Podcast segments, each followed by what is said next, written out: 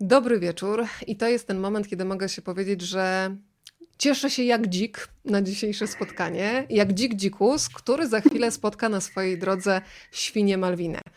Nie przez przypadek jestem dzisiaj ubrana na różowo, ponieważ świnia Malwina w centrum zainteresowania. Bardzo się cieszę, że dzisiaj wspólnie z Państwem będziemy mogli celebrować e, premierę.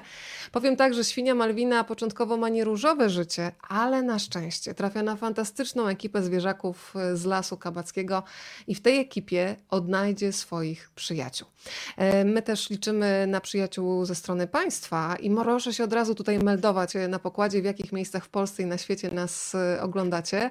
A ja przedstawię dzisiejszych gości. Powiedziałabym, że literackich rodziców, zarówno dzika dzikusa, jak i świni Malwiny. E, Krzysztof Łapiński, człowiek, który napisał tę opowieść, jest razem z nami. Krzysiek, proszę zamelduj się, gdzie jesteśmy razem z tobą, bo w zasadzie teraz ci się wpraszamy do domu. E, dzień dobry, bardzo mi miło gościć u ciebie. E, no, jestem niedaleko Lasu Kabackiego, czyli tam, gdzie dzieje się akcja, to znaczy na Ursynowie w Warszawie. A Marta w takim razie, Marta Kurczewska, czyli ilustratorka, która najpiękniej na świecie narysowała te wszystkie liki, które znajdziecie w Świni Malwinie. Gdzie jesteśmy razem z Tobą? E, dobry wieczór. My jesteśmy w Ustce. O proszę, czyli już jest, już jesteśmy w różnych krańcach Polski. E, ja widzę, że Państwo się już zameldowali z Mokotowa w Warszawie, z Lublina, z Józefowa, z Londynie już jesteśmy, Pałuki na pokładzie, Wrocław, Niemcy, więc przekraczamy kolejne granice. Bardzo się cieszę i proszę się meldować, jak tylko Państwo będą do nas dołączać. Zacznę, słuchajcie, od przedstawienia Was, a potem e, pozastanawiamy się trochę, jak się skrzyżowały Wasze ścieżki. Z Krzysztofem miałam okazję się poznać w Sopocie przy okazji literackiej podróży Hestii, nagrody, do której byłeś nominowany. Przypomnę tylko, że jest to wyróżnienie dla najciekawszych twórców literatury dla dzieci i młodzieży. Oprócz tego, że piszesz książki dla dzieci, jesteś filozofem, wykładowcą, jesteś też e, człowiekiem, który dzisiaj będę się na tym też bardzo mocno skupiać, który odnalazł tak naprawdę wielką frajdę e, w tej dziedzinie twórczości i myślę, że dużą rolę tutaj odgrywała Hania. To od razu wyjaśnijmy, kim jest Hania. Hania jest moją córką, teraz ma lat 12. No jak zacząłem pisać Dzika Dzikusa, to miała około 9. Także pisałem właściwie w dialogu z nią obie te książki. Bardzo się cieszę, że dzisiaj jesteś z nami na pokładzie i że razem z nami jest Marta. Marta, powiem Ci bardzo szczerze, że jesteś jedną z moich ulubionych ilustratorek. Ty i Emilia Dziubak. Od razu mogę to powiedzieć e, głośno i wyraźnie. Więc cieszę się, że w końcu mogę poznać osobiście osobę, która odpowiada za takie ilustracje, które się zapisują na twardym dysku w sercu i głowie. E, mogę od razu powiedzieć, że kojarzę Cię między innymi z opowieści o Tapim, ale uwielbiam też Mirabelkę Cezarego Harasimowicza. Bardzo lubię list Bud butelce Agnieszki Sobich. Wiem też, że jesteś taką kobietą, która lubi gotować, więc my dzisiaj też będziemy o gotowaniu w pewnym momencie rozmawiać, ale przede wszystkim dzisiaj umówmy się, że karmimy naszych widzów, e, słuchaczy dobrym słowem. Czas zaserwować pierwszą porcję i opowiedzieć tym, którzy są dzisiaj razem z nami, jak się skrzyżowały wasze ścieżki, bo są, słuchajcie, takie książki, gdzie czasami, nie wiem, główną rolę odgrywają ilustracje, czasami najważniejszy jest tekst. Nie zawsze to idzie tak równo równolegle, a ja mam wrażenie, że wy byliście duetem, który po prostu musiał na siebie trafić, ale czy to było tak oczywiste od początku? Opowiadajcie. Kto Krzysztof. Proszę bardzo. Myślę, że chyba Krzysztof. To, to nie było oczywiste od początku. Na szczęście wydawnictwo Agora jest tyle e, przyjazne, no, mówię z własnej perspektywy jako autor, że mm, jest dużo miejsca do jakiejś takiej własnej inicjatywy i, i to nie jest tak, że, że, że z góry narzuca, nie wiem, ilustratorów i autor nie ma nic do gadania. No myśmy przez jakiś czas z y, Karoliną Oponowicz, redaktorką w wydawnictwie Agora, zastanawiali się, po prostu szukaliśmy ilustratora dla y, Dzika Dzikusa e, i y, w pewnym momencie napisałem do mojej znajomej, Katarzyny Kasi, która pracuje na SP, z pytaniem, czy może kogoś nie zna. No i właśnie ona podesłała link do Marty z taką informacją, że to pewnie byłby świetny trop. No i tak się właściwie poznaliśmy. Potem, co było potem? Potem były spacery po Lesie Kabackim na przykład, tak? tak? Ale to chyba, to, to za chwilę może jeszcze. Także, Słuchajcie, czyli mówi się o ojcach chrzestnych pewnych projektów, a tutaj w zasadzie mamy matki chrzestne. Tak. Wspomniałeś Kasię i Karolinę, więc bardzo się tak. cieszę, że te matki są obecne. E, no to w takim razie zastanawiam się, jak to wyglądało z perspektywy Marty. Otrzymujesz taką propozycję i co? Od razu mówisz tak? Czy musisz się wgłębić w temat i zastanowić, czy tak naprawdę narysujesz? W ogóle mnie fascynuje ten projekt, jak to, co było w głowie Krzysztofa, zostało przelane na kartkę papieru u ciebie w domu.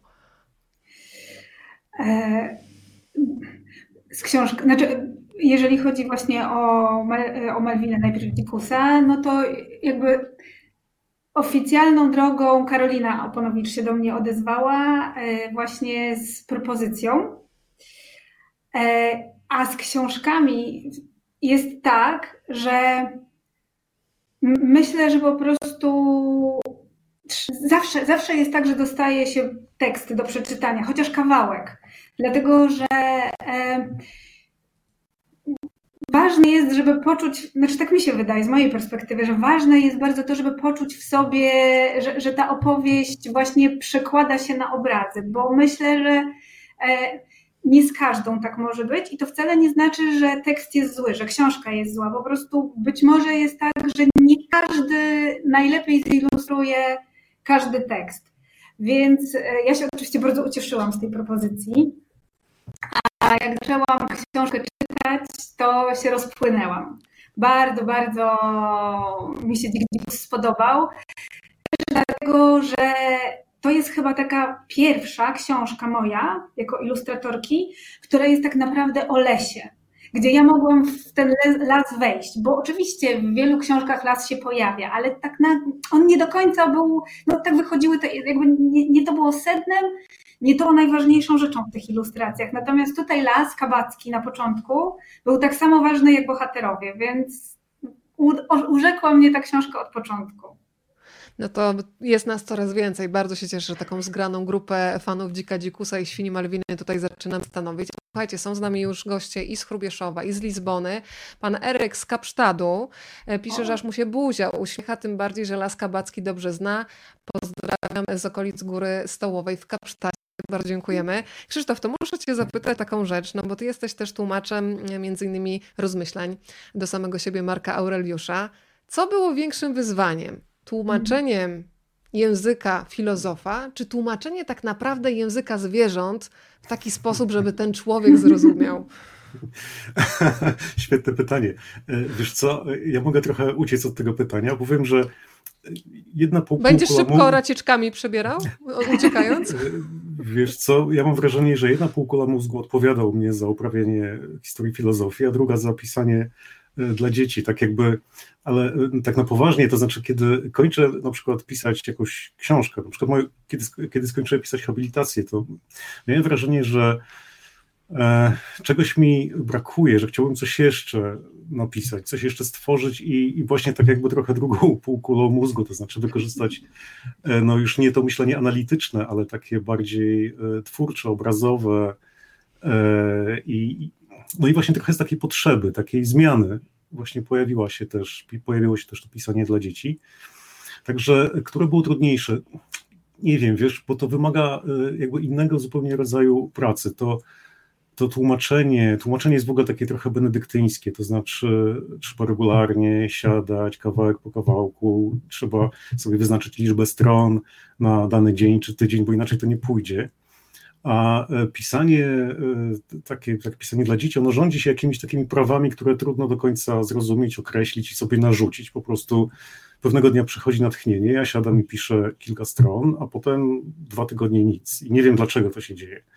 Także to są zupełnie inne, inne światy.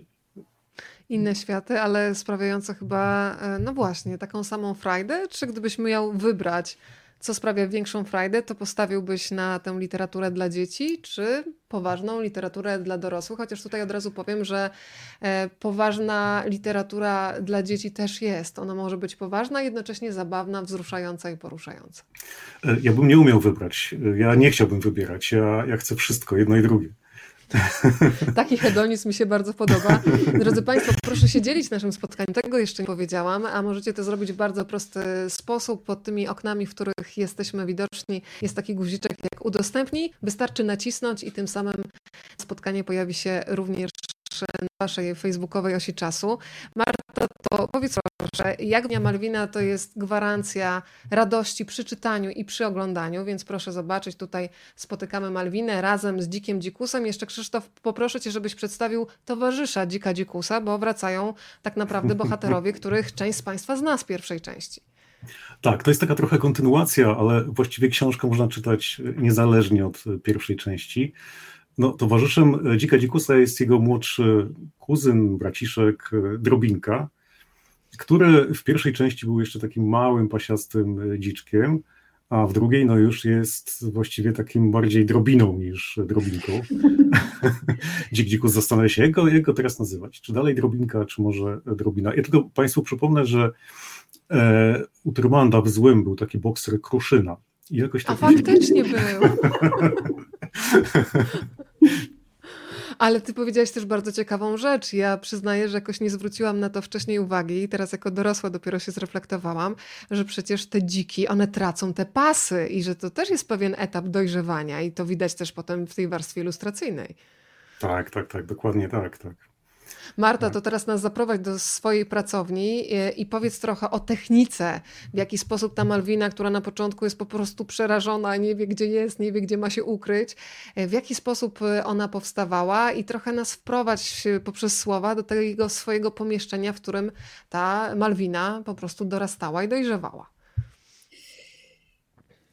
No tak. Też jakby Malwina jest bardzo mocno powiązana z pierwszą częścią, więc, e, więc moim punktem wyjścia był Dzik Dzikus. W sensie, bo to jest ten sam świat, nic się nie może zmienić, znaczy nie może. Chociaż tak naprawdę e, w pierwszej części jest tak, że w ogóle nie ma ludzi. Nie ma tak naprawdę świata ludzi. Oni się pojawiają gdzieś w opowieściach zwierząt, natomiast tego w ogóle nie ma. I jeśli chodzi o świnię Malwinę, czyli dru- można powiedzieć drugą część przygód Dikusa, to największe wyzwania były dwa. Po pierwsze, jaka ma być Malwina, a po drugie, jak wprowadzić ludzi. I, i, I to było tak. No myślę, że, że, że, że tak naprawdę Pierwsza rzecz to było znalezienie tego, jak ona ma wyglądać, w sensie jaką ma być postacią, dlatego że e, to jest bardzo fajna postać jako, jako postać, z poczuciem humoru, odwagą, która się zmienia. Jednocześnie to jest e, dorosła świnia, nie bójmy się tego powiedzieć. Więc Oczywiście oglądałam bardzo dużo zdjęć, no bo, bo, bo, to jest jakby dosyć istotna rzecz i chodziło mi o to, żeby ją stworzyć w ten sposób, żeby to była sympatyczna postać, natomiast żeby jej jakby nie upupiać, żeby to była duża, dorosła świnia, a nie trochę prosiaczek i, i żeby było to słodkie. Więc to, to, to, to było dużo, dużo szkiców, prób i, i znajdywań, rozwiązań. Natomiast jakby ilustracje do książki jako takie było trochę z górki, dlatego że już wiedziałam, jak one będą malowane ze względu na to, że, że, że to jest kontynuacja. Natomiast właśnie było dość długie szukanie tych dwóch elementów. Jak Malwina ma wyglądać i jak ludzie mają się pojawiać, bo ja tak do końca też tak trochę odbierałam tą książkę. Oni są, jedni są ważni, dlatego że coś wnoszą w życie zwierząt i w historię, a niektórzy są tacy, tak jakby z boku, tak jak my czasami widzimy zwierzęta gdzieś kątem oka, ale tak naprawdę nie zwracamy za dużej na nie uwagi. I trochę chciałam, żeby w ten sposób byli przedstawieni ludzie w tej książce, że czasami są właśnie tak jak w tej poprzedniej ilustracji, trochę tacy przezroczyści, że się tak wyrażę, a czasami się pojawiają bardziej, wtedy kiedy oni bardziej tak naprawdę są w historii, wnoszą coś do niej, jakby wchodzą de facto w interakcję z tymi zwierzętami. Krzysztof nam na chwilę zniknął, ale zaraz wróci na pewno. Coś przycisnął magicznego. Wraca, pojawia się i znika. Zniknął po prostu na chwilę w kniei, w lesie kabackim zniknąłeś na chwilę, Krzysztof, ale już jesteś. Już jestem. Pojawiasz się i znikasz. E, no to słuchajcie, muszę teraz zapytać się Krzysztofa. Mm, przypomnij sobie ten moment, kiedy po raz pierwszy e, trafiają do ciebie ilustracje w wykonaniu Marty. Zastanawiam się, jak to jest. Zaraz się też zapytam o audiobooka, bo kiedy myślę o tych wrażeniach, czy, czy słyszy się swój tekst w czyichś ustach, to potraktujmy pytanie jako drugie, ale pierwsze, kiedy dostajesz rysunki, no i co? To jest dokładne odzwierciedlenie tego, co ty miałeś w głowie? Jaka była reakcja? Na szczęście nie jest dokładne, tylko dużo lepsze. E, I to, jest, to jest w ogóle niesamowite. Ja trochę e, przez jakiś czas studiowałem w szkole filmowej, gdzie myśmy pracowali na scenariuszach, wymyślaliśmy scenariusze i potem one właśnie przybierały postać obrazów. I to, to był naj, najlepszy moment w mojej pracy, tak, tak mi się wydawało, tak to odbierałem w mojej pracy właśnie nad, nad, nad scenariuszami i filmami, e, czyli ta wizualizacja. E, I no tutaj, z, jeśli chodzi o współpracę z Martą, to, to było tak, że tak? No bo że... o tym ja nie powiedziałam, bo przeszłam do świni, ale tak naprawdę świnia w sensie Malwina jest jakby nieodłączną częścią Dzika Dzikusa, a tak naprawdę cała nasza, można powiedzieć, taka trochę praca koncepcyjna odbyła się właśnie przy Dziku Dzikusie. Te, te mm, właśnie tak, spacery. Tak, tak, tak. No więc tak przepraszam, bo się Nie, nie, nie, nie, nie. To e, rzeczywiście tak było, że e, największym jakby wyzwaniem było wymyślenie tego całego, można tak powiedzieć, uniwersum, prawda? No bo jest tekst e, i teraz trzeba wydobyć z niego jakieś kluczowe obrazy i też oddać scenerię. No i tak umawialiśmy się, pamiętam te, te rozmowy, żeby, żeby ten las kabacki był taki trochę tajemniczy, prawda, że, że to nie był, że nie powinien to być taki zadeptany las miejski, ale też zgodnie z prawdą, on ma takie swoje miejsca, które no, to są jakieś stare drzewa, e, piękne światło i, i to w ogóle świetnie oddałaś. E, jeśli, o ile pamiętam, to współpraca polegała, wyglądała tak, że właśnie myśmy dużo dyskutowali, chodziliśmy po lesie kabackim, ja robiłem zdjęcia, Marta otwierała szkicowniki, szkicowała. E, i potem tak na parę tygodni czy miesięcy w ogóle e, nie odzywała się wtedy, prawda? Bo właśnie zamknęła się w pracowni, intensywnie pracowała, ja tak myślałem, kiedy, kiedy, kiedy, kiedy w końcu coś się pojawi, tak nie mogłem się doczekać. W końcu Marta objawiła się i przy, przy, pokazała te wspaniałe ilustracje. To, to był wspaniały moment. E, no, przy Malwinie to tak było podobnie, prawda? Ale już dużo jakby zostało ustalone, dużo wiedzieliśmy, dużo zostało wymyślone. E, tak, bo, Oczywiście nie wszystko, ale takie na przykład Dzik Dzikus, czy, czy, czy nie wiem, czy, czy jakieś inne, inni bohaterowie, tak? No, bo to właśnie tak jak było, że przy Dziku Dzikusie w Lasku Kabackim, tak jak Krzysztof mówił, że chcieliśmy pokazać ten las, znaczy Krzysztof go tak opisał, a ja chciałam to oddać na ilustracjach, jako takie miejsce, które jest magiczne i tajemnicze, ale jednocześnie tam są faktycznie e, miejsca, które w lesie są, na przykład staw, na którym są kaczki i tak dalej. I w tych momentach nam zależało, żeby żeby faktycznie, jeżeli jest możliwość, żeby te miejsca przedstawić w taki sposób, żeby się dało je odnaleźć, że, y, mhm, tak, żeby tak. one były dosyć faktyczne. I, i, I tutaj i zdjęcia mi bardzo pomagały. I moje szkice też, bo ja teraz jestem w Ustce od jakiegoś czasu, natomiast tak w ogóle to na stałe mieszkam w Warszawie. Tylko, że w zupełnie innym końcu miasta, bo, bo na Bielanach, więc ja tak naprawdę Lasu Kabackiego nie znam. I e, umówiliśmy się na ten spacer i oglądałam go właśnie oczami Krzysztofa, Dzika Dzikusa i było byliśmy to naprawdę też, bardzo, też, bardzo fajne. Tak, byliśmy też z Karoliną, prawda? Z Karoliną Oponowicz. Tak, nie wiem, czy to tak, ona nie wymyśliła, tak. żebyśmy poszli właśnie na, te, tak, na tak. badania terenowe, tak? Badania terenowe. Ale fajnie, jest takiego redaktora, który zabiera na tak, wycieczkę.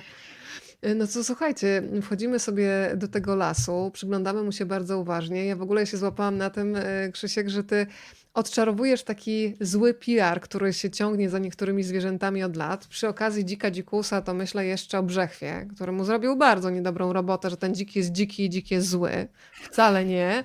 Ale też jest bardzo fajny wątek e, przy świni Malwiny, kiedy kaczki tak na nią patrzą i mówią tak Inna, jakaś taka dziwna. I pomyślałam sobie, że to jest taka zemsta za kaczkę dziwaczkę. Jak tyle złego na swój temat słyszały przez lata, to teraz to się niestety jest przekazywane dalej.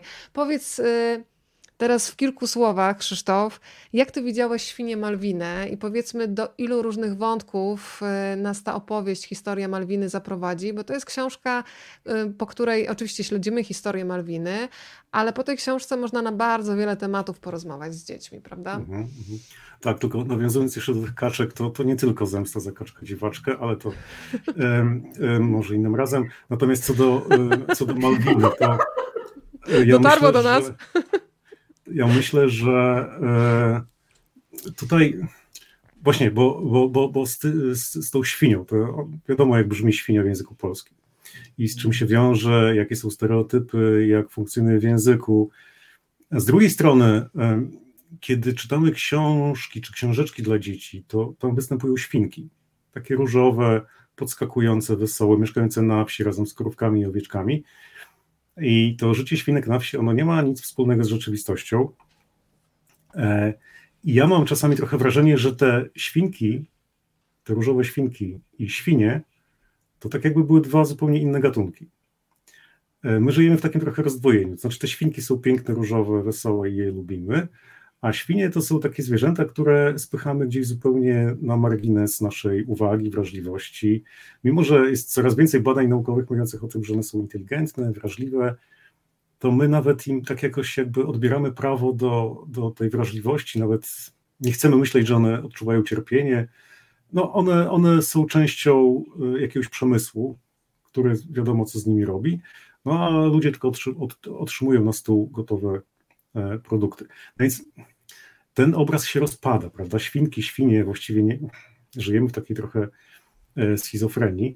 I to było takie, to, to była jakaś taka próba upomnienia się. E, mówi się czasami, że książki Dickensa to jest takie upomnienie się o tych biednych, e, poszkodowanych, tak, jakieś biedne dzieci na przykład.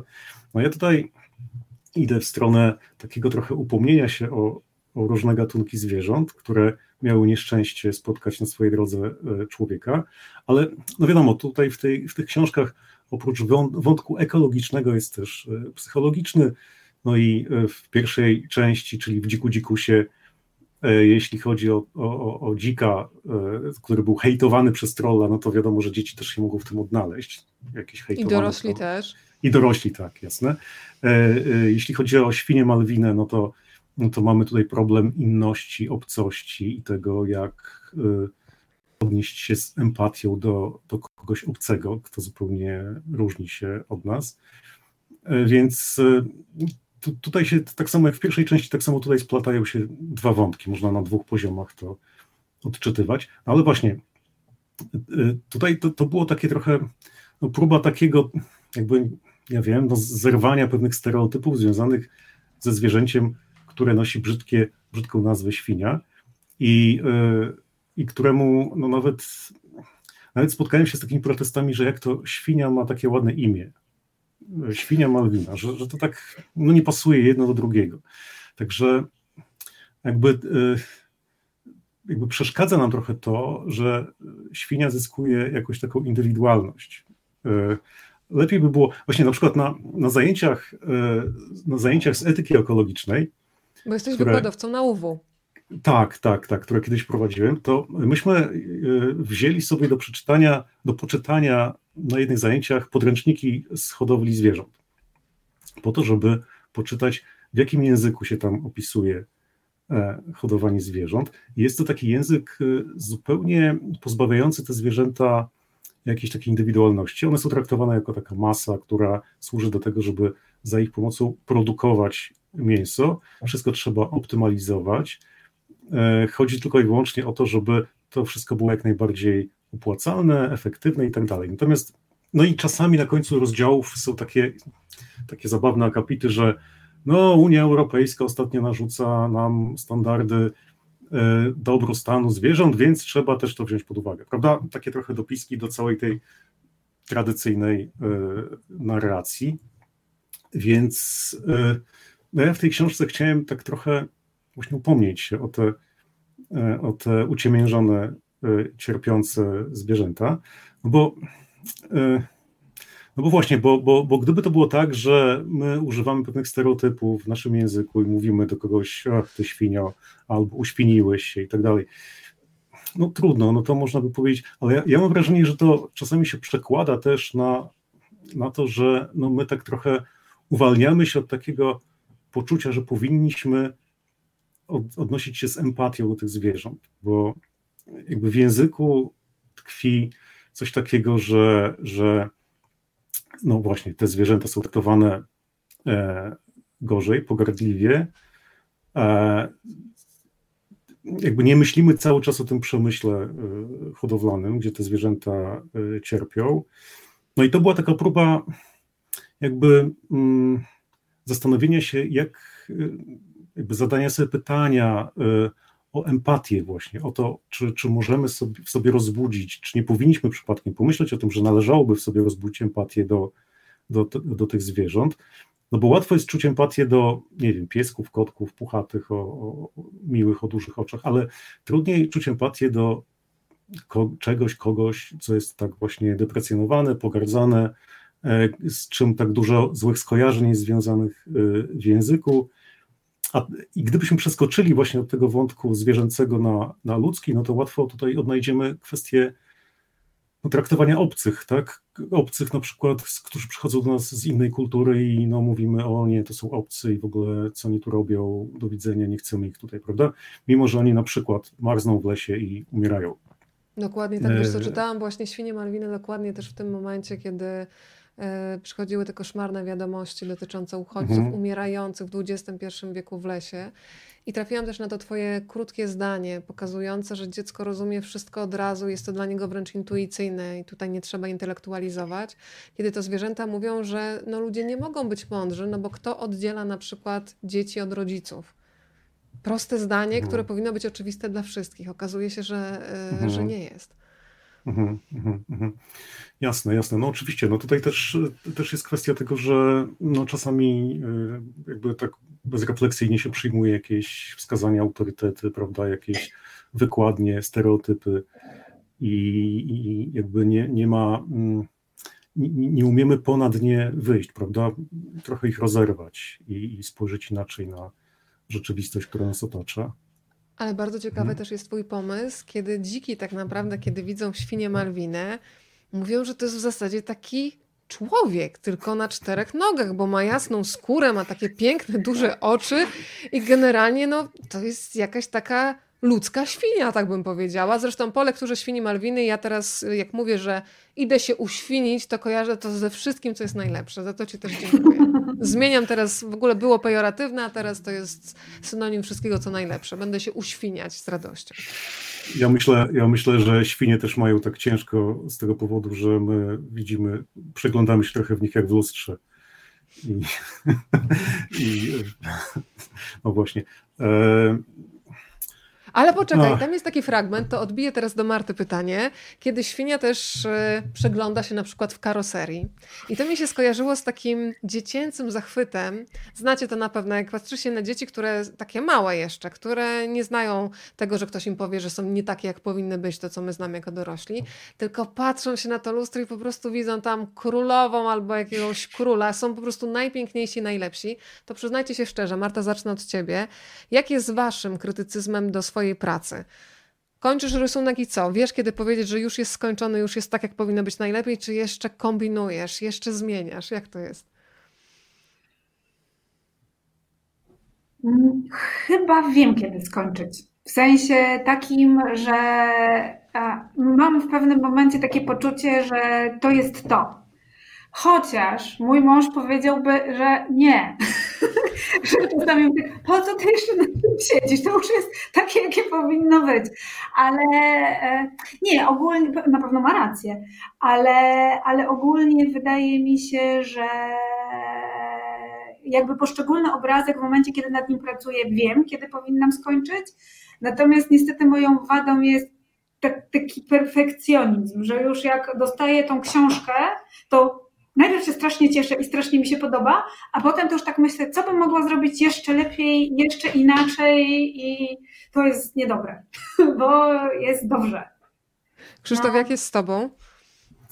No tutaj moją konsultantką, tak jak już mówiliśmy, jest moja córka i często właśnie pytam ją o e, zdanie. No, czasami to jest tak, że wiem, że jest dobrze, czasami mam wątpliwości, a jak już napiszę całość, e, to myślę o Dziku Dzikusie i o Malwinie, to wtedy e, Karolina Oponowicz, o której mówiliśmy już, jest no, tym właśnie sędzią, która właśnie świetnie przenika cały tekst i mówi, że no fajnie, fajnie, tylko no słuchaj, no trzeba by jeszcze i to, i to poprawić, dopisać. I, e, także to tak trochę w dialogu też się dzieje, w takim ping-pongu, także no właśnie e, to, to jest taki złożony proces. E, ja, ja, mhm, ja piszę tak, tak pół strony e, na raz, pół strony dziennie, to powstaje tak, tak, jako tak, tak, takie cegiełki, no, staram się mieć cały ogląd całości, jak już piszę, tak trochę scenariuszowo. E, no ale wiadomo, wiadomo, potem jak już wszystko jest, no to jeszcze jakieś poprawki, większe czy mniejsze, są potrzebne. Chyba w moim przypadku to jest tak, że na etapie szkiców, w sensie na etapie ustalania tego, co ma być na ilustracji, ten właśnie taki ping-pong, czasami po prostu konsultacja, pogadanie z kimś, nawet tak na zasadzie, żeby głośno usłyszeć, co się myśli. Natomiast już faktycznie potem, kiedy ta ilustracja powstaje, powstaje, to zazwyczaj to już jest takie bardziej sam, no, to, to jest ten etap, kiedy już samemu trzeba wiedzieć, co i kiedy i do kiedy. No. Słuchajcie, Państwo już mają tutaj e, życzenia. Nie wiem, czy może Państwo zaczną pisać listy do ministra Czarnka. Nie wiem, czy to będzie skuteczne, ale Pani Agnieszce się właśnie zamarzyło, żeby Świnia Malwina była lekturą obowiązkową w szkole. Chętnie się podpiszę pod takim wnioskiem, więc tutaj słuchacze rozmawiam, bo lubię, mogą taką petycję wystosować. E, Krzysztof, ja obiecałam dzisiaj w zapowiedzi, że zdradzisz naszym oglądającym, kto tak naprawdę włożył do ryjka mm, Świni Malwiny cudowne hasło, które też sobie schowałam do kieszeni, że każde niestety ma swoje zalety. E, no właśnie, to co wymyśliła moja córka Hania. Ja kiedyś ją podsłuchałem, ona coś robiła i powtarzała sobie e, i tak myślałem, całkiem nieźle to brzmi. E, tak, tak po stoicku, bo odnalazłem tę taką myśl stoicką, że no, takie aktywne namawianie siebie Ojciec do, filozof. do, Nasiąkała tym od małego. Do, do optymizmu, do takiego to trochę może jak z Monty Pythona też, always look at the brighter side of life. Także, e, no ale jedno z drugim stoicyzm Monty Python, mecz filozofów i tak dalej. To może iść w parze. No w każdym razie, ja usłyszałem to zdanie i stwierdziłem, że ono jest na tyle dobre, że szkoda, żeby zostało gdzieś tylko w czterech ścianach naszego mieszkania. I zapytałem mnie śmiało, czy mógłbym użyć tego zdania w książce. Hania się oczywiście zgodziła, no i ja dałem potem w podziękowaniach taki przypis, jak to naukowiec, skąd ten cytat pochodzi. Także on pochodzi no, od Malwiny, ale no w dalszej kolejności od Hani. Ja muszę Państwu powiedzieć, że prowadzę wiele spotkań autorskich i zawsze mam takie stop klatki w głowie po latach. E, I kiedy byliśmy na takim plenerze literackim, e, literackiej podróży Hestii, to do dzisiaj, Krzysztof, pamiętam wzrok twój do Hani i Hani do ciebie, w którym było tyle czułości, dumy takiej wzajemnej, że stworzyliście tę książkę, że muszę się z Państwem podzielić. E, no, nie mam tego na zdjęciu, ale na twardym dysku w głowie mam to zapisane i, i bardzo mnie to tak grzeje od środka i, i, i to też jest, pokazuje Państwu źródło, jak powstają tego typu książki, że tam jest uczucie i tam jest serce. Padło hasło Monty Python, e, to może takie odwołanie też zrobimy do takich kadrów, które my wszyscy mamy w głowie. No to Marta, przyznaj się. Ta ilustracja do czego nawiązuje? No wiadomo. się witają. Jeszcze zastanawiałam się, jak wpakować tego człowieka, który tam stoi w oryginale, ale jakby z niego trzeba było trochę zrezygnować. No, tak. I te, tak. Tej, tej zabawy w ogóle słowem i takimi odniesieniami do kultury było też sporo. Ja pamiętam w Dziku Dzikusie, kiedy na przykład lisy czytały trollowi bajkę, to tam był na przykład chyba rudy kapturek, prawda? Albo lis w tak. butach, tak. więc y, tam jest dużo też takiej frajdy czytania pomiędzy słowami. Słuchajcie, w, w tak, Malwinie... Jeśli, jeśli... Mów, Jeśli mogę, taj, tajne hasło, y, żeby odnaleźć głosa brzmiało Hakuna Matata. To prawda. Skierowane do guźca. Słuchajcie, w Świni Malwinie jest takie hasło, mm, gdyby ktoś go wówczas obserwował, wcale by się nie domyślił, jak bardzo dzik dzikus jest pochłonięty tworzeniem. To teraz wyobraźmy sobie, że wpadacie właśnie na swoje najgenialniejsze pomysły, czy to ilustratorskie, czy związane z tekstami, czy one faktycznie są wynikiem, trochę już o tym wspominaliście, ale rozwiniemy temat, wysiadywania, czy to one czasami lubią przychodzić właśnie w momencie, kiedy wstajecie od biurka, wietrzycie głowę na spacerze, jakie macie w ogóle takie swoje patenty na to, żeby to, co czasami przychodzi nieoczekiwanie, jest najlepsze, zachować, żeby to nie uciekło. Marta. tak naprawdę najlepiej jest od razu zapisać, tudzież naszkicować. I to najlepiej nie na kawałku papieru, bo się zgubi, tylko w szkicowniku. Ale ja muszę powiedzieć, że ja czasami, czasami to jest właśnie coś zupełnie nagle, że to tak, a czasami to jest wysiadywanie.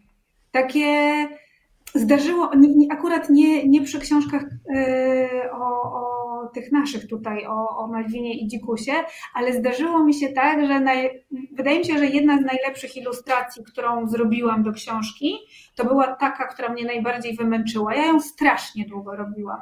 I nie zdarza mi się to za często, a jednocześnie tak wyszło, bo fakt faktem często takie pomysły pierwsze są naprawdę dobre. Tak naprawdę. No. Mhm. Ale no ja muszę za, za, zapisać. W sensie zapisuję, ale rysuję najczęściej. Tak. Taki, taki pamiętniczek. A Krzysztof ma, nie wiem, pamiętniczek jakiś może audio, nie wiem, nagrywasz się na dyktafonie, zapisujesz, jak to wygląda? E, ja mam taki, taki notatnik, tylko nie wiem, czy go znajdę. Dostałem go od Hani. E, chyba go teraz nie znajdę. Ale... To nam opowiesz słowa. Jest. Proszę. Ojej! Służył do robienia notatek do Malwiny. E, ale, najlepiej... ale stop, stop, stop. Powiedz, jak się ten notatnik nazywa, bo to zdradzasz Aha, e, tak, na końcu on, książki. To nie jest bez znaczenia, mój drogi. Tak, tak, tak. On się nazywa Malwinnik. Dostałem go w prezencie. To jest Malwina. Także e, taki notesik, ale e, to w ogóle mi się najlepiej pisze rano, to znaczy jak budzę się i jeszcze, jestem jeszcze w takim półśnie i te sny mi tak się kłębią i wtedy e, przychodzą mi najlepsze pomysły, jakieś skojarzenia, obrazy, także to jest ten moment, kiedy, kiedy mi się najlepiej pisze, tak do południa, no i wtedy koniec, koniec już dnia, nie da się nic więcej napisać. Także tak to mniej więcej wygląda. A lubię też pisać ręcznie, piórem, bo mm, mam wrażenie, że to jakoś y, uruchamia coś w mózgu takiego, że, że, że właśnie też przychodzą lepsze pomysły. Słuchaj, chyba y, Hania będzie musiała tutaj otworzyć jakąś linię produkcyjną malwinników. Y, pani Wanda napisała, że cudne, więc pewnie też zapotrzebowanie na malwinniki po tym spotkaniu też będzie. Y, zdradź proszę, kto będzie głosem mm, świni Malwiny, ale też całej opowieści, myślę o książce, bo miałeś okazję, powiedziałeś mi, zanim się tutaj pojawiliśmy u Państwa w domu, posłuchać fragmentów świni Malwiny. Podobno marzenia się spełniają, jeżeli chodzi o lektorkę, co? O tak, to moje marzenie. Lektorką jest Maja Ostaszewska. Nie wiem, czy Marta już wiesz o tym. I świetnie czyta, no wspaniale, po prostu e, zdążyłem dopiero fragment, fragment odsłuchać i no to rzeczywiście marzenia się, marzenia się spełniają. Także audiobook że... jest też nagrany. Rozumiem, że Maja oprócz tekstu dodała też pewnie swoje emocje, bo myślę, że to jest bardzo trudny moment i sprawdzian dla aktora, aktorki, mhm. żeby autor usłyszał swoje emocje, tembr głosu, pauzy, zabawy słowem. W mhm. czyichś ustach udało się? Mhm. Y, udało się, ale tak samo jak w przypadku y, ilustracji Marty, to jest lepsze niż. To znaczy, ja mógłbym usłyszeć tam siebie, ale usłyszałem coś innego, y, naprawdę wspaniałego. Także ja tutaj jakby nie.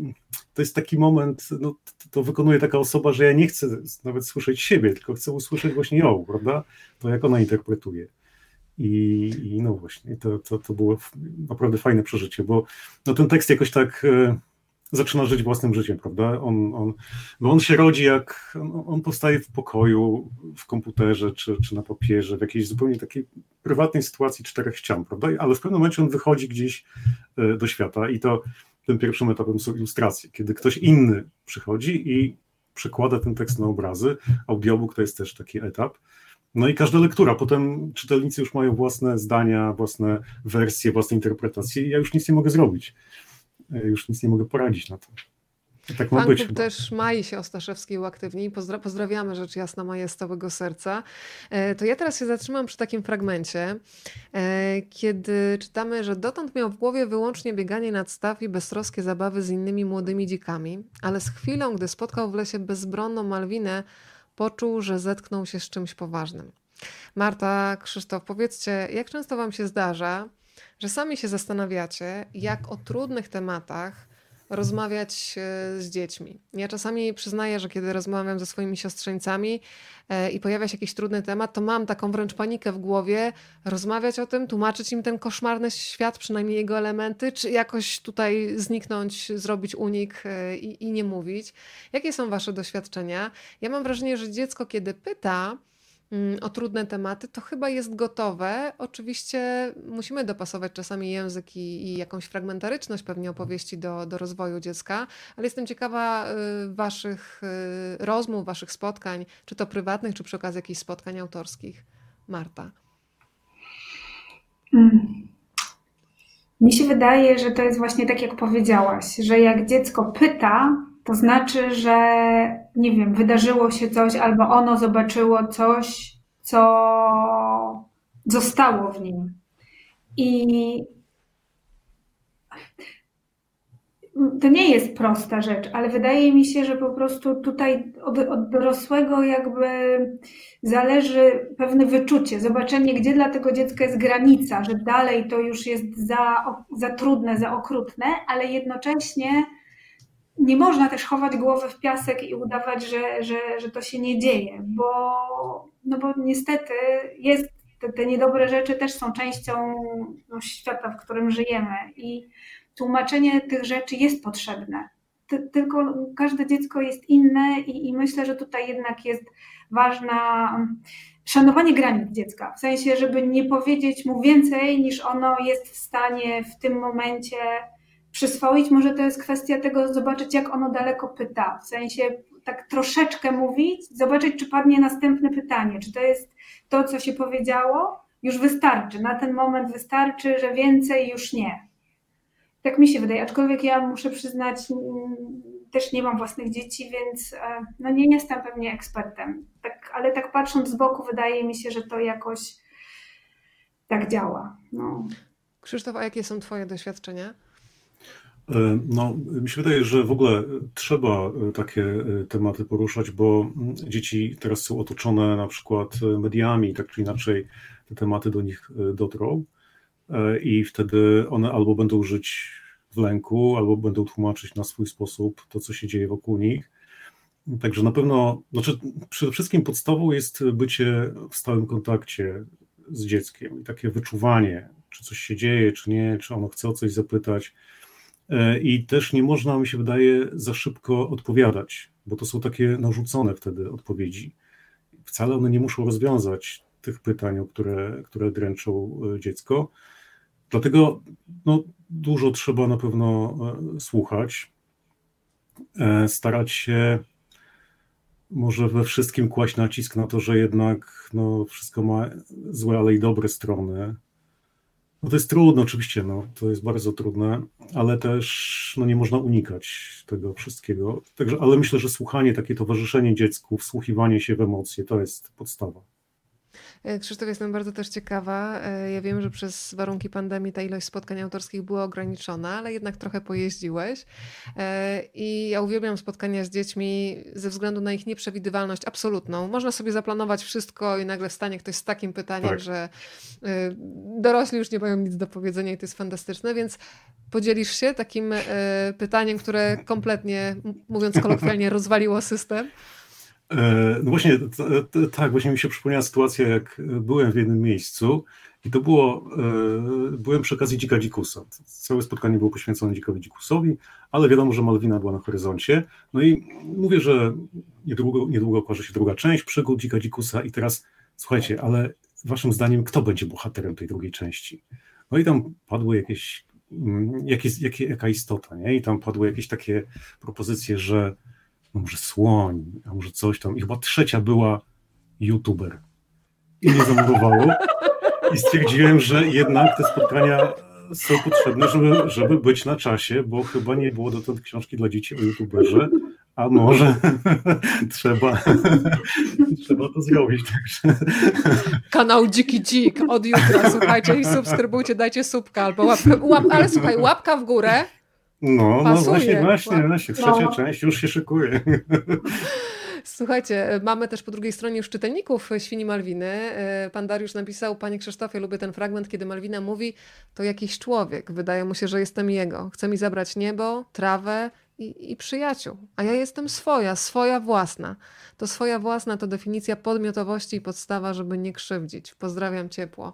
Bardzo dziękuję i też jeżeli się Państwu przyjrzą temu zdjęciu profilowemu, to pan Darek mam też tam czworonoga e, na rękach, więc e, pozdrawiamy i drapiemy też za uchem tego e, małego mhm.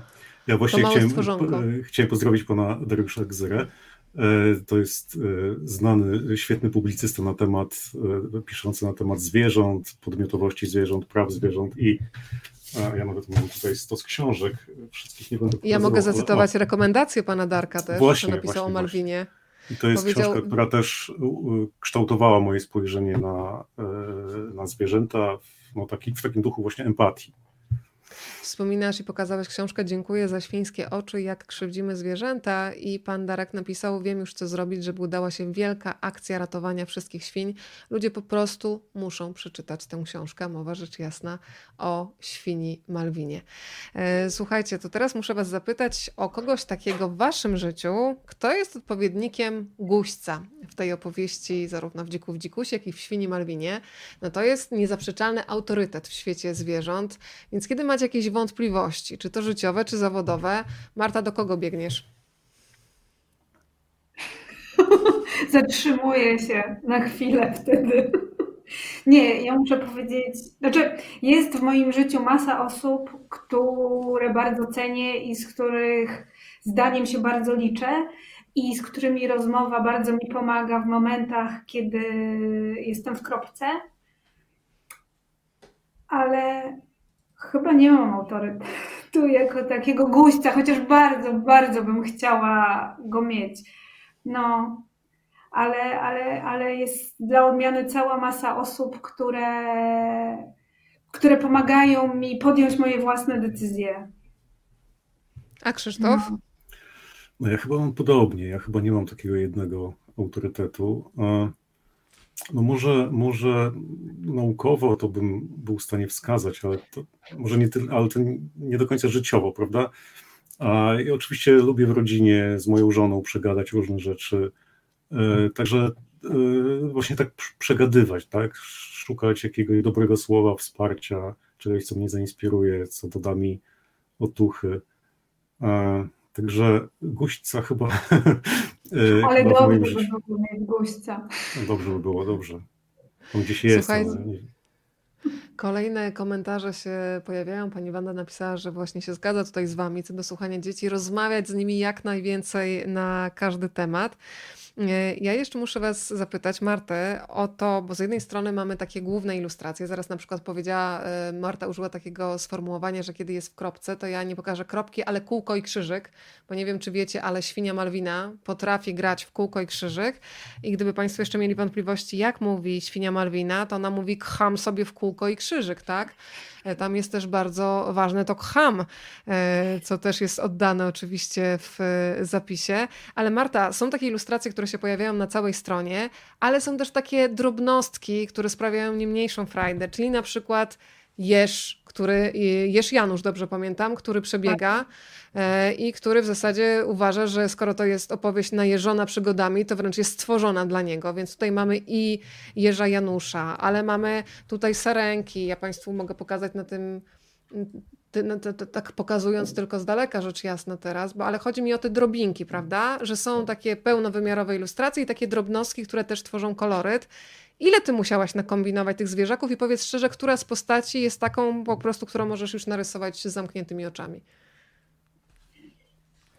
E, muszę powiedzieć, że cały projekt graficzny książki, w sensie to jak ona jest złamana i pomysł jak to ma wyglądać, to jest pomysł Maćka Trzebieckiego, który ją składał. który po prostu z moich ilustracji wyciągał te drobne elementy, y, który układał to wszystko i myślę, że naprawdę odwalił kawał dobrej roboty, bo książka wygląda pięknie. A e, które zwierzęta jestem. Bo generalnie to było tak, że, że tych zwierząt jest całe mnóstwo i to fajnie wygląda, dlatego że ilustracji tych dużych mogło być tyle, ile, jakby ile miało ich być. Natomiast super właśnie wygląda to, że, że te małe zwierzęta, te wyciągnięte z ilustracji dużych, tworzą ten leśny klimat, że cały czas ten las jest na każdej stronie w jakiejś formie. Um, z zamkniętymi oczami. z zamkniętymi oczami to myślę, że dzika dzikusa jestem w stanie już w tej chwili naprawdę e, e, narysować. Aczkolwiek Jerz Jerzy właśnie mnie urzekł tutaj, jak bardzo chciał pomagać i tak nie wiem, czy to jest takie szczytelne, czy to jest mój taki mały, prywatny żart, ale na tej ilustracji ta jego żona go się stara powstrzymać przed tą szarżą do udziału w tej misji ratowaniowej. To jest fantastyczne. Ja też lubię tam e, ropucha się pojawia pewna też e, z konkretnym mm, e, przymiotnikiem. Ja nie chcę Państwu wszystkiego zdradzać, bo to jest cała przyjemność odkrywania tego też, co się dzieje pomiędzy słowami albo pomiędzy obrazkami, jak teraz słyszycie. Pani Mariola mnie właśnie rozbroiła na łopatki, bo napisała, że bardzo by chciała być takim gościem dla swoich córek.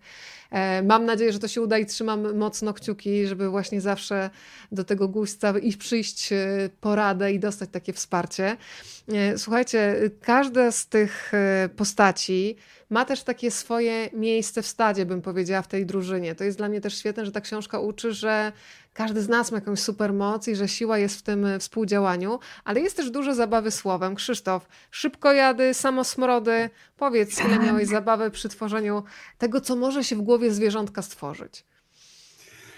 No rzeczywiście, ja lubię takie absurdalne żarty i zabawy językiem i wydaje mi się, że no, to są takie ważne elementy książki dla dzieci, bo dzieci no, potrzebują czasami rozładować napięcie, które wynika z akcji E, no tam jeszcze są takie niewybredne typu uświnić się. No, w pewnym momencie pojawi się taki bohater, który jest typowym modelowym dziadersem. Podwodne bąki są cudowne też. To wzbudzi na pewno, jest taki wiek, w którym y, żarty na pewien temat po prostu zawsze wygrywają. Ja już się o tym przekonałam, ale tu już zamknę usta. No ale kto z nas nie puszczał podwodnych bąków? No przecież to jest doświadczenie nas no. wszystkich. Dokładnie. No ale powiedziałeś o jakimś dziadersie, ta, więc wróćmy do dziadersa. doświadczeń, to wspólnota doświadczeń jest bardzo ważna, bo ona też uczy empatii. No właśnie, jest tam taki, taki bohater, e, no też nie chcę spoilerować, ale no, trochę można pewnie powiedzieć, taki dziaderski, który wie wszystko najlepiej, który traktuje wszystkich protekcjonalnie, który uważa siebie za super poprawnego i grzecznego, ale nie chce słuchać nikogo, no, tylko właśnie innym chce opowiadać o swoich ważnych sprawach. To jest taki bohater, którego w pewnym miejscu znienawidzono. Mówić czy nie? e, także.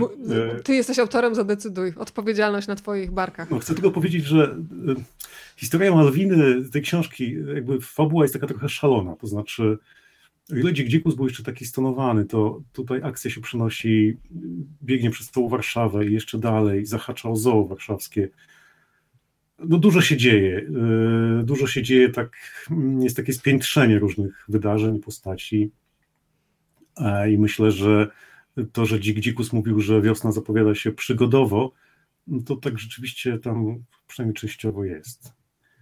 E, to Także prawda, jest to taka trochę, taka trochę opowieść drogi, stąd pojawiają się właśnie różne postaci, ten, ten, ten dziaders taki, żółw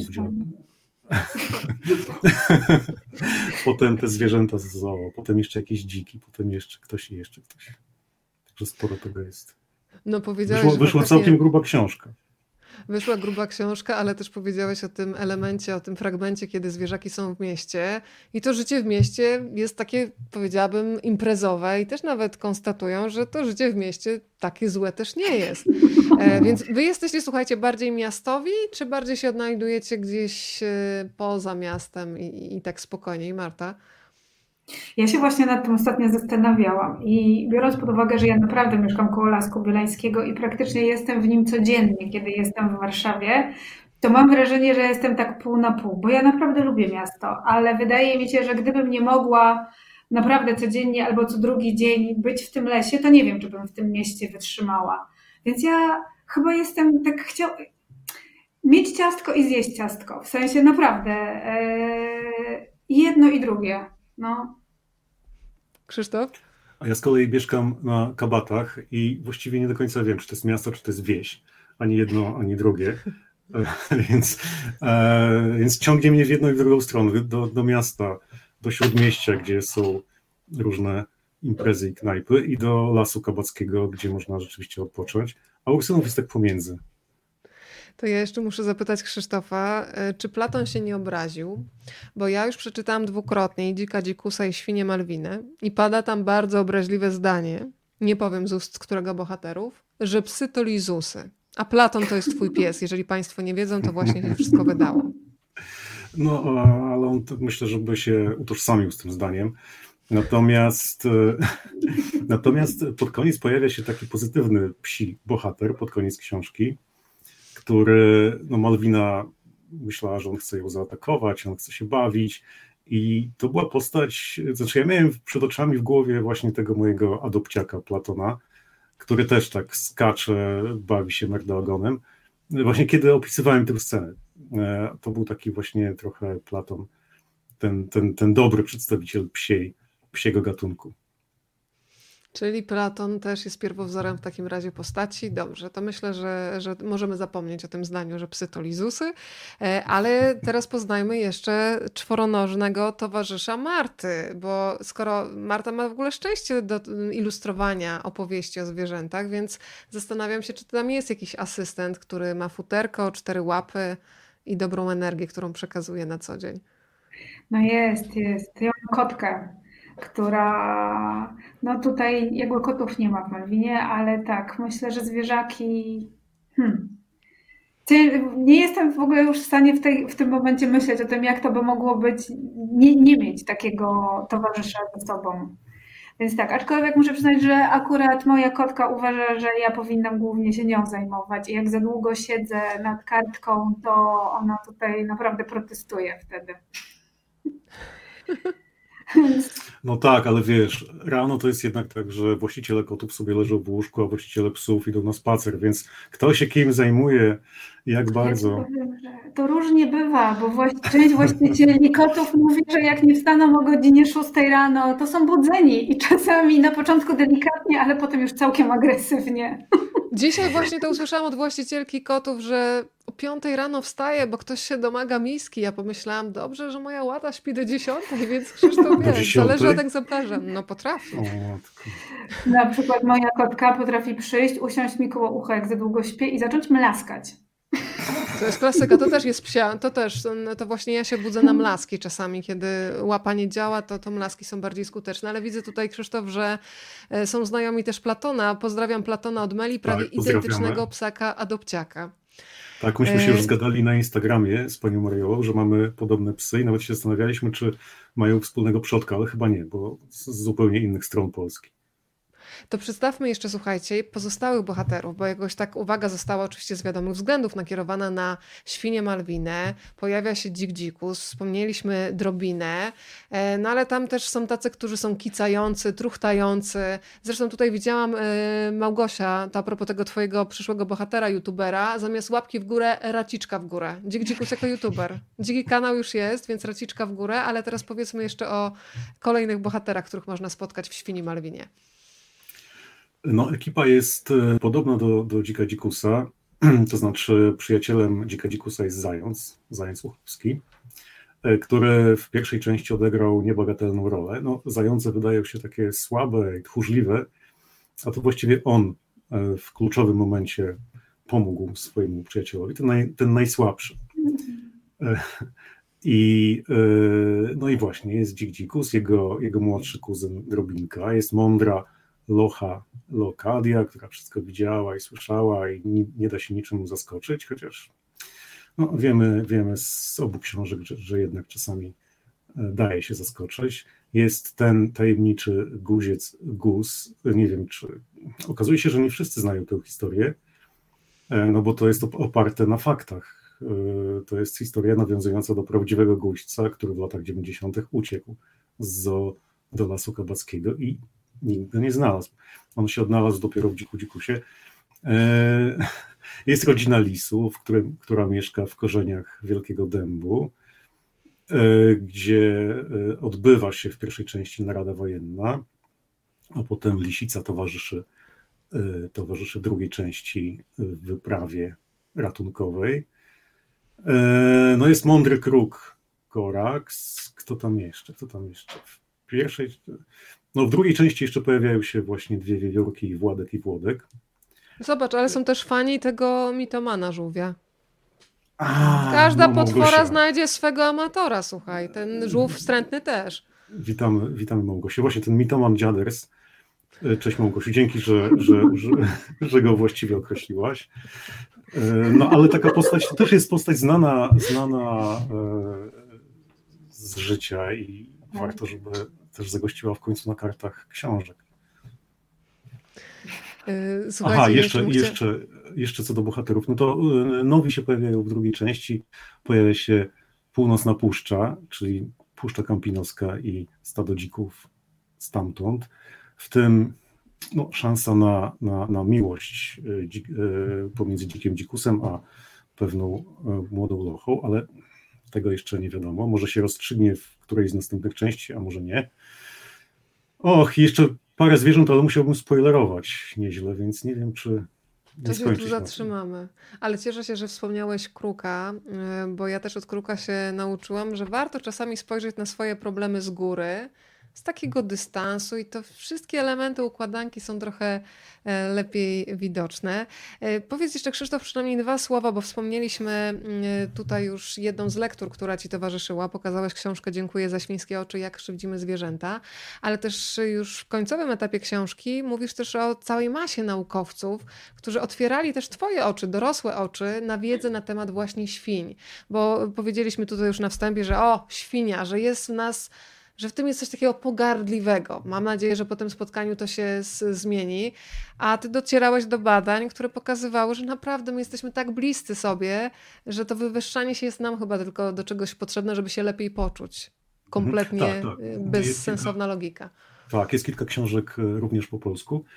Y, no bo wyobraźmy sobie taką sytuację. Ja zacznę od tego, że mamy psy, które lubimy i trzymamy w domach, i to są zwierzęta tak zwane towarzyszące, no i są świnie, zwierzęta hodowlane, z zupełnie innej kategorii, e, również prawnej, bo my żyjemy w takim trochę rozdwojeniu i świadomościowym, i prawnym. I, i e, naukowcy mówią, że psy i świnie mają podobną inteligencję i wrażliwość.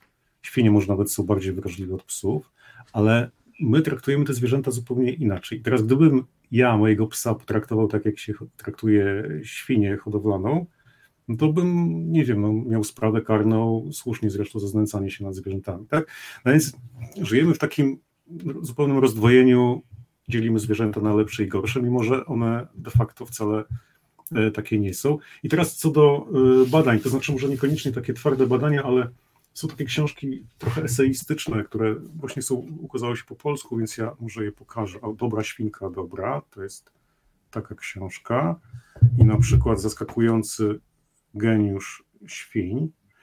I y, to są takie relacje autorów z tego, jak oni hodowali, trzymali jedną, dwie, trzy świnie, ale oni byli, traktowali te świnie tak, jak my traktujemy y, psy, to znaczy indywidualnie, nadając im imiona jako takie zwierzęta towarzyszące i pokazywali, jak one są różnorodne również charakterologicznie, że potrafią być świnie optymistki, pesymistki, ciekawskie, lękliwe, cwane, e, przyjacielskie, szczodre, altruistyczne, bardzo różne.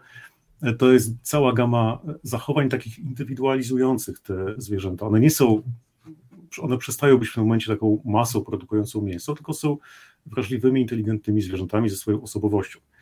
I te książki e, jakby tutaj są napisane dwutorowo, to znaczy jeden tor to jest ta relacja z tego obserwowania, świnek, które żyją, świń, świnek, które żyją gdzieś tam w ogródku, a druga to jest, drugi tor to jest relacja z badań naukowych. I one tak się przeplatają w obu tych książkach. E, także no sporo jest badań takich, takich, takich twardych badań naukowych na temat właśnie inteligencji e, świń, ale też no w ogóle sporo się pisze teraz o o możliwościach poznawczych zwierząt, że one są dużo wyższe niż jeszcze niedawno nam się e, wydawało. Tutaj takim guru jest taki autor Franz de Waal, na przykład, który pisze o naczelnych, ale też e, wielu innych e, autorów. I, no i właśnie, no i to jest taki moment, że powinniśmy jakby na nowo się przyjrzeć zwierzętom. No okazuje się, że nie jesteśmy jedynymi istotami inteligentnymi na Ziemi. Ta inteligencja może być różna od naszej, może być jakby tak, no powiedzmy, ilościowo trochę, trochę stojąca niżej, no ale mimo wszystko, e, mimo wszystko okazuje się, że zwierzęta e, potrafią na przykład e, używać narzędzi. Tak? No to już Jane Goodall dowiodła w latach 60., obserwując szympansy.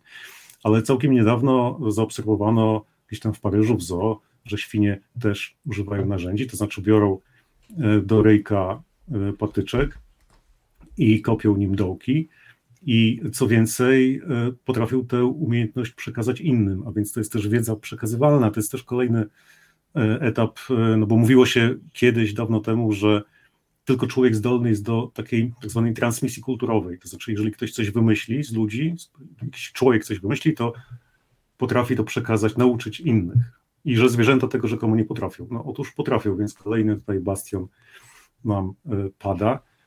E, także dużo o tej inteligencji zwierząt się teraz e, pisze, w tym o inteligencji świń. No, także trzeba chyba inaczej już spojrzeć na nasze tradycyjne wyobrażenia. Nie wiem, czy widzieliście, polecam wszystkim. E, kilka dni temu Martyna Wojciechowska u siebie na Instagramie wrzuciła taki krótki filmik Kruk kontra człowiek i pokazywano kruka, który miał takie zabawki, jak mają dzieci w kształcie na przykład koła albo trójkąta i klocki, które kruk bardzo szybko do poszczególnych dziurek dopasowywał. A potem był pokazany człowiek, który w samolocie chce wcisnąć na siłę walizkę, widać, że ona się tam nie zmieści, ale pan nie ustaje w tych próbach i naprawdę to zestawienie kruka z człowiekiem i z tym komentarzem jest wspaniałe, więc jeżeli ktoś jeszcze nie widział, to, tak. to polecam. Ale jest też, jest też takie same zestawienie e, z tej samej chyba sceny z człowiekiem, ale e, drugo, drugi bohaterem jest świnia, która też układa klocki. I to pozostawmy już bez komentarza, to po prostu trzeba zobaczyć. E, ja bardzo też lubię e, poczucie humoru, też związane z, z tym, że niektórzy są tacy bardzo pewni siebie i przemądrzali. Jest taki fragment, kiedy Malwina próbuje odczytać napis. Nie mogę Państwu powiedzieć, co ona odczyta, bo bym zdradziła za dużo, ale mówi, właśnie próbuje się skoncentrować. Czytanie to nie jest wcale prosta sprawa. E, tam mruknął drobinka. Gdybym ja umiał czytać, to bym czytał bez problemu. Więc y, słuchajcie, zapytam was o wasze czytanie. Marta, kiedy się nauczyłaś, czy pamiętasz w ogóle ten moment, kiedy odkryłaś, że te słowa, które są gdzieś porozrzucane pojedynczo, zaczynają tworzyć sensy i otwierają ci drzwi do kompletnie nowego świata? Pamiętasz ten moment? Nie, ale wiem, że jako dziecko w podstawówce bardzo dużo czytałam. Naprawdę bardzo dużo. Natomiast nie, muszę przyznać, że w ogóle nie pamiętam, kiedy, kiedy to nastąpiło. Nawet nie jestem w stanie powiedzieć, czy to było zanim ja byłam w pierwszej klasie w zerówce. Natomiast moja babcia bardzo dużo mi czytała i tak samo bardzo dużo wierszyków mi opowiadała. I, i, czytałyśmy to razem, więc to jakby od, od, od dziecka pamiętam, natomiast muszę przyznać, że samego momentu składania literek nie, no. Ja akurat pamiętam, słuchajcie, bo mój tato prasował i ja siadałam przy nim i on mi tam tłumaczył wszystko i do dzisiaj mam tak tak zakodowane, że on rozprostowywał te ubrania i ja rozprostowywałam te zdania i potem już męczyłam wszystkich czytaniem na głos. Krzysiek, jak u ciebie było? E, Marta wspomniała też babcie, a, a tobie kto czytał albo kto uczył, kto otworzył ten świat książek? E, no ja nie pamiętam momentu, kiedy nauczyłem się e, czytać, ale to musiało być jeszcze przed pójściem do szkoły, bo no, nauczyłem się liter drukowanych, w szkole uczyliśmy się pisanych i coś mi się nie zgadzało i taki bunt wewnętrzny się zrodził, że jak to? Ja się źle nauczyłem czytać i, i co teraz? No w ogóle o co chodzi? Oddajcie mi mój czas. Natomiast e, no ja mam starszą siostrę, która mi podsyłała różne e, lektury, czasami o wiele za trudne jak na mój wiek. I, ale jak, jak już się nauczyłem czytać, to dużo czytałem. Pamiętam, że, że, że sporo dosyć bardzo różnych rzeczy, lepszych, gorszych. E, był taki moment, że sporo czytałem jakiejś fantastyki, często części gorszej niż lepszej, bo wiadomo, że więcej jest gorszych książek niż lepszych. E, no także to były bardzo różne rzeczy i bardzo dużo tych rzeczy. Wtedy jeszcze na, na szczęście nie było internetu. Tak były takie czasy, że nie było internetu. Był czas na czytanie. Ale teraz jest czas na dziki które będą youtuberami. Pamiętaj to, Krzysiek, żebyś nie porzucił tego pomysłu. E, natomiast ja was też uprzedziłam, że zapytam was też o waszych ukochanych ilustratorów. Marta ciebie w taki naturalny sposób, e, bo złapałam się na tym, że nad po latach, dziesięć mając czterdziestkę, myślę sobie, że ja mam w głowie niektóre ilustracje po prostu, nie wiem ile z tych szufladek w mózgu, ale ja pamiętam plastusiowy pamiętnik, pamiętam szancera, pamiętam jakieś takie bajki, które potem tropię, czyja to była bajka i kto ilustrował. E, to co jest w twojej głowie? Bo ja ci gwarantuję, że twojego dzika dzikusa dzisiejsi, nie wiem, no właśnie, o, ustalmy, słuchajcie, w jakim wieku dzieciaki będą najlepszymi adresetami? Krzysiek, tutaj się proszę podjąć tego zadania. Mm, ja myślę, że y, Malwina jest może tak dla dzieci, ja wiem, o rok starszych niż Dzik Dzikus, tak odrobinkę. Chociaż, chociaż myślę, że tę Malwinę też można czytać na różnych poziomach, że młodsze dziecko dostrzeże tam po prostu zabawną historię, o, o, o, zwierzątku, któremu trzeba pomóc. Starsze dziecko może dostrzeże już pewne pytania i pewne problemy. Także myślę, że nie wiem, ja zawsze mam kłopot, żeby określić w jakim wieku. To też kwestia jest indywidualna. Różne dzieci e, mają różne, e, różne na, jakby na różnym poziomie czytają książki. Także nie wiem, naprawdę nie wiem. Ja zawsze mam kłopot. A może tak od siódmego roku życia, szóstego. No nie wiem, właśnie zastanawiam się też, trudno mi powiedzieć. To Marta, wrócę do ciebie, bo ja się założę, że właśnie e, dzisiejsi 6, 7, 8, 10, 12-latkowie, kiedy będą mieć swoje 40, 50, 60 lat, to ten dzik, dzikus i ten ryjek będzie już w nich zapisany. Więc ja się zastanawiam, e, co się w tobie na twoim twardym dysku zapisało. Szanty. I, I muszę powiedzieć, że ja nawet bo trochę jest tak, że dziecko jakby nie wybiera samo książek, po prostu dostaje te książki, które rodzice mu kupią. Natomiast, no cóż, ja też jestem po czterdziestce, więc kiedy miałam te, nie wiem, 3, 4, 5 lat, to też nie było takiego wielkiego wyboru, jaki jest teraz. I ja miałam bardzo dużo książek z ilustracjami Szancera. I muszę przyznać, że ja po prostu potrafiłam nad nimi siedzieć i się zastanawiać, co jest dalej. Na przykład e, miałam na Jagody Konopnickiej i tam chyba, nie wiem, czy to nie była w ogóle pierwsza ilustracja w tej książce, był taki dworek gdzieś w lesie z takimi barokowymi jakby kopułami. I ja siedziałam i tak patrzyłam, co jest dalej. I mam takie wrażenie, że, że, że miałam jakąś taką determinację, że jak będę długo patrzeć, to ja zobaczę, co tam jest dalej za tymi drzewami i, i, i tak dalej. No myślę, że, że ten szancer był ze mną od początku. Ja nie, nie wiem, czy bym powiedziała, że to jest mój ulubiony ilustrator, ale, ale no cóż, na pewno mogę powiedzieć, że się wychowałam na szancerze. No. Jakie obrazki w głowie masz, Krzysiek, teraz tak na szybko? Tak na szybko.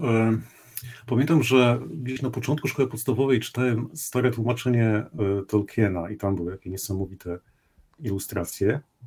Jeszcze raz powtórz, bo nam tutaj na chwilę, mhm. przynajmniej w moim uchu cię zacięło. Stare tłumaczenie, stare wydanie Tolkiena.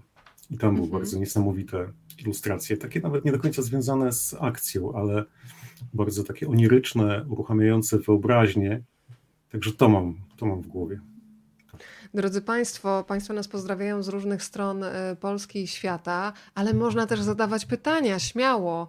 E, naprawdę będzie nam przyjemnie, mi będzie przyjemnie przekazać, będę ustami Państwa pytań, o tak to nazwę. Natomiast ja jeszcze muszę Was, słuchajcie, zapytać, bo sama się na tym złapałam. E, bo często słyszę, ale masz super pracę, cały czas czytasz. Ja mówię, no jasne, że super, ale to też jest ciężka praca, więc zastanawiam się, jak jest z wami, no bo jak patrzę na Martę, całe życie rysuje przepiękne ilustracje, to jest takie dziecięce. Krzysiek teraz tworzy bajki dla dzieci, no bajka ktoś by powiedział, więc ja bym chciała jasno tutaj wyjaśnić, określić, słuchajcie, czy wy to traktujecie jako pracę, pracę, yy, czy to jest zabawa? Kto chce zacząć? Sprawa jest poważna, bo nikt nie chce zacząć. Nabieramy powietrze oboje. To jest praca. W sensie e, takim, że ja moją pracę bardzo lubię. Naprawdę jestem bardzo szczęśliwa, że to jest mój zawód. Natomiast to jest praca i tak jak z każdą pracą, czasami jest super, a czasami ma się po prostu trochę dość. Przesyt. No. Tak, tak. No, no, myślę, że to tak jak zawsze, terminy, stresy. No, jeżeli coś po prostu jest pracą, to zawsze, jakby ona nie była świetna, jest ten, ta część pracy, po prostu tego, czego w pracy nikt nie lubi. I, i chyba wydaje mi się, że taka jest rzeczywistość. I, i, i prawda jest taka, że e, tak jak ty, Krzysztof, wcześniej mówiłeś o tym planie stron, to tak naprawdę gdzieś tam plan postawienia przynajmniej czterech kresek w ciągu dnia też jakby musi być i czasami w ciągu pół godziny robi się dużo i super, a czasami się siedzi i się stawia kreski i, człowiek się zastanawia, co z tego dalej wyjdzie, bo na tym polega praca. Nie tak, że jak jest natchnienie, to wtedy się usiądzie. Nie, no bo jest termin, na który trzeba zdążyć. Mniej więcej. No to teraz odpowiedź Krzysztofa. No, dla mnie pisanie książek dla dzieci sprawia bardzo dużą przyjemność. I e, ja mam wrażenie nawet, że jak, e, że potrafię pisać tylko jak jestem w dobrym nastroju, więc e, muszę być w dobrym nastroju, żeby, żeby pisać. Natomiast to jest poważne w tym sensie, że ja myślę cały czas o odpowiedzialności, że jednak te książki będą czytać dzieci. No i trzeba poważnie podejść do sprawy, więc w tym sensie tak, to jest poważne zajęcie, ale sprawiające dużo przyjemności. A wtrącacie się nawzajem e, tak mocno w, e, w swoje działki, że tak powiem? Czyli na przykład e, czy Marta miała taki moment, że chciała wymyślić, na przykład miała w głowie rysunek bohatera i Krzysztof w zasadzie powinien dopisać jakąś opowieść na ten temat i w drugą stronę, kiedy Krzysztof by jeszcze coś podsuwał, wtrącacie się tak, że nagle przekraczacie, że tak powiem, własne tutaj upoważnienia do współtworzenia książki, bywa tak czy nie? No ja tutaj, jak... no. Mi się wydaje, że ja się trochę wtrącam, bo to znaczy jest taki etap, że, że tak na początku, że no jak Marta przeczyta tekst, ja tak czekam z niepokojem, czy się jej spodoba, czy nie, w końcu mówi, no okej, okay, fajne, e, to ja tak mam taką, takie, taką potrzebę wewnętrzną, żeby wytłumaczyć, powiedzieć, gdzie są jakieś kluczowe sceny, dla mnie ważne, takie, takie węzłowe, które jakoś tak niosą całą tę fabułę, więc w tym sensie no jakoś tak coś próbuję sugerować, może za dużo, E, no i tak to, tak to z mojej strony wygląda.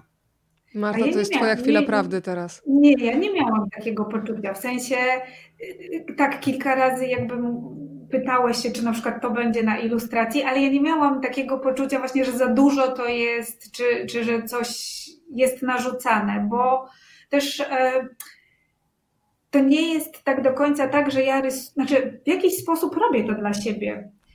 I to jeszcze gdzieś tam właśnie nawiązuje do tego, czy to jest praca, czy przyjemność. To jest na pewno super fajna praca, bo gdzieś tam robię coś, co mi sprawia ogromną przyjemność.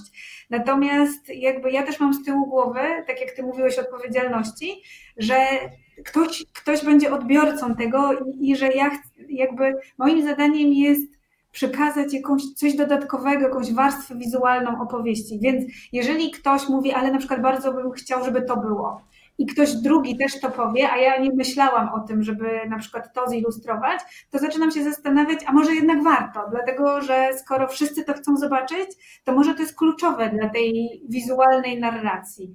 Więc mm, ja jakby cenię sobie bardzo uwagi. Uważam, że to dużo, dużo wnosi, ale ja też nie mam poczucia, żebyś ty mi, Krzysztof, coś narzucał w tej książce. Zupełnie nie. No, natomiast ja dla odmiany w drugą stronę e, ciężko by mi coś, bo to był nadmiar, w sensie ja się zastanawiałam, z czego zrezygnować. bo tutaj chcę wszystko narysować, a wszystkiego się nie da, więc, więc to raczej tak szło. Słuchajcie, strony. E, zachęciłam skutecznie naszych widzów do zadawania pytań. Pan Eryk z Kapsztadu, czy podobały się Państwu filmy zwierzęce typu Pingwiny z Madagaskaru, Królew, gdzie jest e, Nemo? Pingwiny, tak, pingwiny rządzą. E, regularnie oglądamy Pingwiny z Madagaskaru, bo one też funkcjonują jako takie krótsze odcinki, jakoś takie półgodzinne. No i staramy się z córką wszystkie obejrzeć, które jakie tylko można. Także jesteśmy fanami tego poczucia humoru, właśnie takiego absurdalnego. To jest mhm. to, co, co, co bardzo mi się podoba. Marta? No, ja wszystkie animowanki bardzo. Znaczy, te, te, te wymienione też z tej starszej, trochę starszej generacji. I tak, ja bardzo lubię te filmy, naprawdę. I za poczucie humoru, i za dialogi, i no, za wszystko. Tak. Pani Małgosia, ulubiony bohater z dziecięcych książek, taki kumpel z książki. Kumpel hmm. z książki. Tomek Sawyer. No ja się kiedyś w winę zaczytywałam, ale nie wiem, czy mogę powiedzieć, że uważam, że winę to jest moim kumplem. Pani Mariola napisała, Pani Krzysztofie, czuję, że ubrał Pan w skórę i futro zwierząt nie jeden ludzki charakter. Pani Wanda jest y, ciekawa, kto nadawał imiona zwierzątkom? Mm, kto? One jakoś tak same, same się nadały. To znaczy w pewnym momencie pomyślałem, y, jakoś tak przychodziły do mnie po kolei.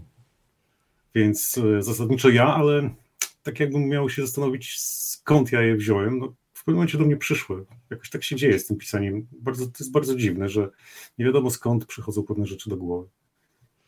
E, niestety nie czytałam jeszcze Świni Malwiny, pisze pani Mariola. Czy jest w niej nasz nieszczęsny troll, od którego zaczęła się cała afera? No, ja nie mogę tego zdradzić. Być może jest. Ja też nie mogę. Uchylam się od odpowiedzi. Nie potwierdzam i nie zaprzeczam. Słuchajcie, pytanie, które mi się bardzo podoba, e, które będzie pewnie powoli zamykać naszą rozmowę. Pani Karolina pyta o to, gdybyście mieli szansę być zwierzęciem, to jakim? I jeszcze jest tam dopisek i dlaczego. Marta? Krukiem. A dlaczego? Bo są piękne, mądre i potrafią latać. Nie, bardzo lubię kruki.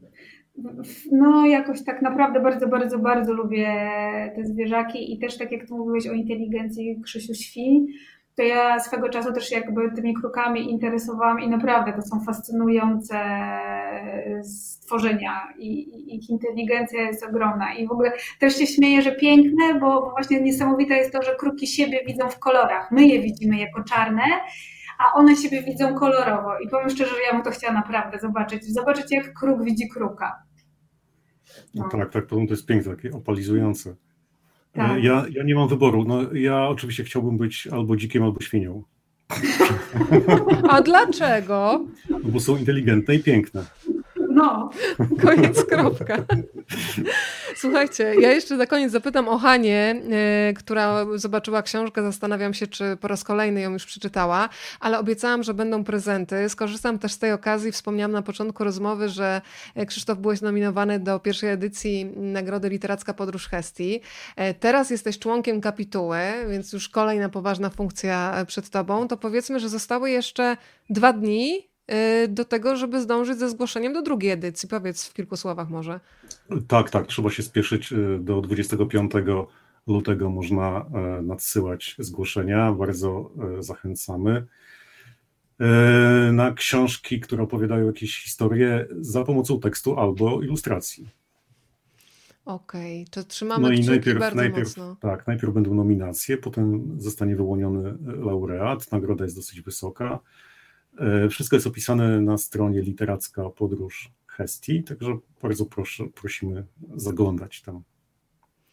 To jest e, coś, co pozwala cały czas podnosić rangę literatury dziecięcej. Państwo słuchali bardzo uważnie, że jak ją, jaka to jest odpowiedzialność i czuję tę odpowiedzialność zarówno Marta, jak i Krzysztof, Y, że przemawiają do tego najmłodszego człowieka, który jest najbardziej chłonny jak gąbka. I to, co zapamięta, będzie potem niósł przez całe życie, więc bardzo Wam dziękuję za serce, za wrażliwość, bo to wszystko jest w Świni Malwinie i oczywiście też w Dziku Dzikusie. E, Marta, pytanie do Ciebie, jakie, jakie to jest uczucie, kiedy otwierasz ten karton, no bo to nie jest twoja pierwsza książka, tak samo jak to nie jest pierwsza książka Krzysztofa, ale przychodzi ten karton z wydawnictwa i co, jest radość, czy od razu, tak jak wspominałaś, y, od razu jest ten drugi głos, to mogłam inaczej, tu w zasadzie mogłam inaczej, jak to jest? Nie, jest radość, jest ogromna radość i ja ten, tak wspomniałam o tym drugim głosie, ale ja go się staram tłumić, bo to nie jest dobry głos. Nie, jest ogromna radość i chyba taki moment zamknięcia, bo dopóki tak naprawdę nie ma się tej książki w rękach, to... E, no to jeszcze cały czas sprawa jest otwarta, bo to o to chodzi, żeby to była książka i żeby ona poszła w świat. I, I, to jest naprawdę za każdym razem fantastyczny, fantastyczny moment, na który się czeka. No, tak. No to u Was pewnie było wspólne rozpakowywanie, Krzysztof, e, z Hanią. Jaki był werdykt? Bo ja na początku czytałam wersję elektronicznej, no ale przyznaję, że przyjemność płynąca z tego, że można, ja w ogóle obwąchuję książki, no a to tak, akurat tak, by było tak, wspólne ja z dzikami, nie? One by takie tak, bardzo, ryjek bardzo. na pewno by wstawiły, nie? E, no to jaka była ta reakcja? No, e, książka w ogóle jest, wyszła dosyć gruba, jest grubsza niż e, Dzik Dzikus. Zaraz podam tutaj objętość, 262 strony, drodzy Państwo. Bardzo ładnie pachnie przede wszystkim. No to są to takie organoleptyczne wrażenia, piękne kolory, no ale to już wiadomo było wcześniej po rozmowach z Martą. E, no, to jest, to jest ogromna radość, oczywiście. No, to jest takie zmaterializowanie się tego takiego pisania prywatnego gdzieś w czterech ścianach e, pokoju, takiego pisania e, do komputera. Komputer jest pierwszym czytelnikiem, ale to jest taki czytelnik mało interaktywny, więc jest takie, takie siedzenie w ciszy i, i, i w końcu ta książka właśnie gdzieś wypływa w świat E, przesyłam tekst Marcie, wydawnictwu i ten tekst przesłany przez internet wraca jako coś takiego pięknego.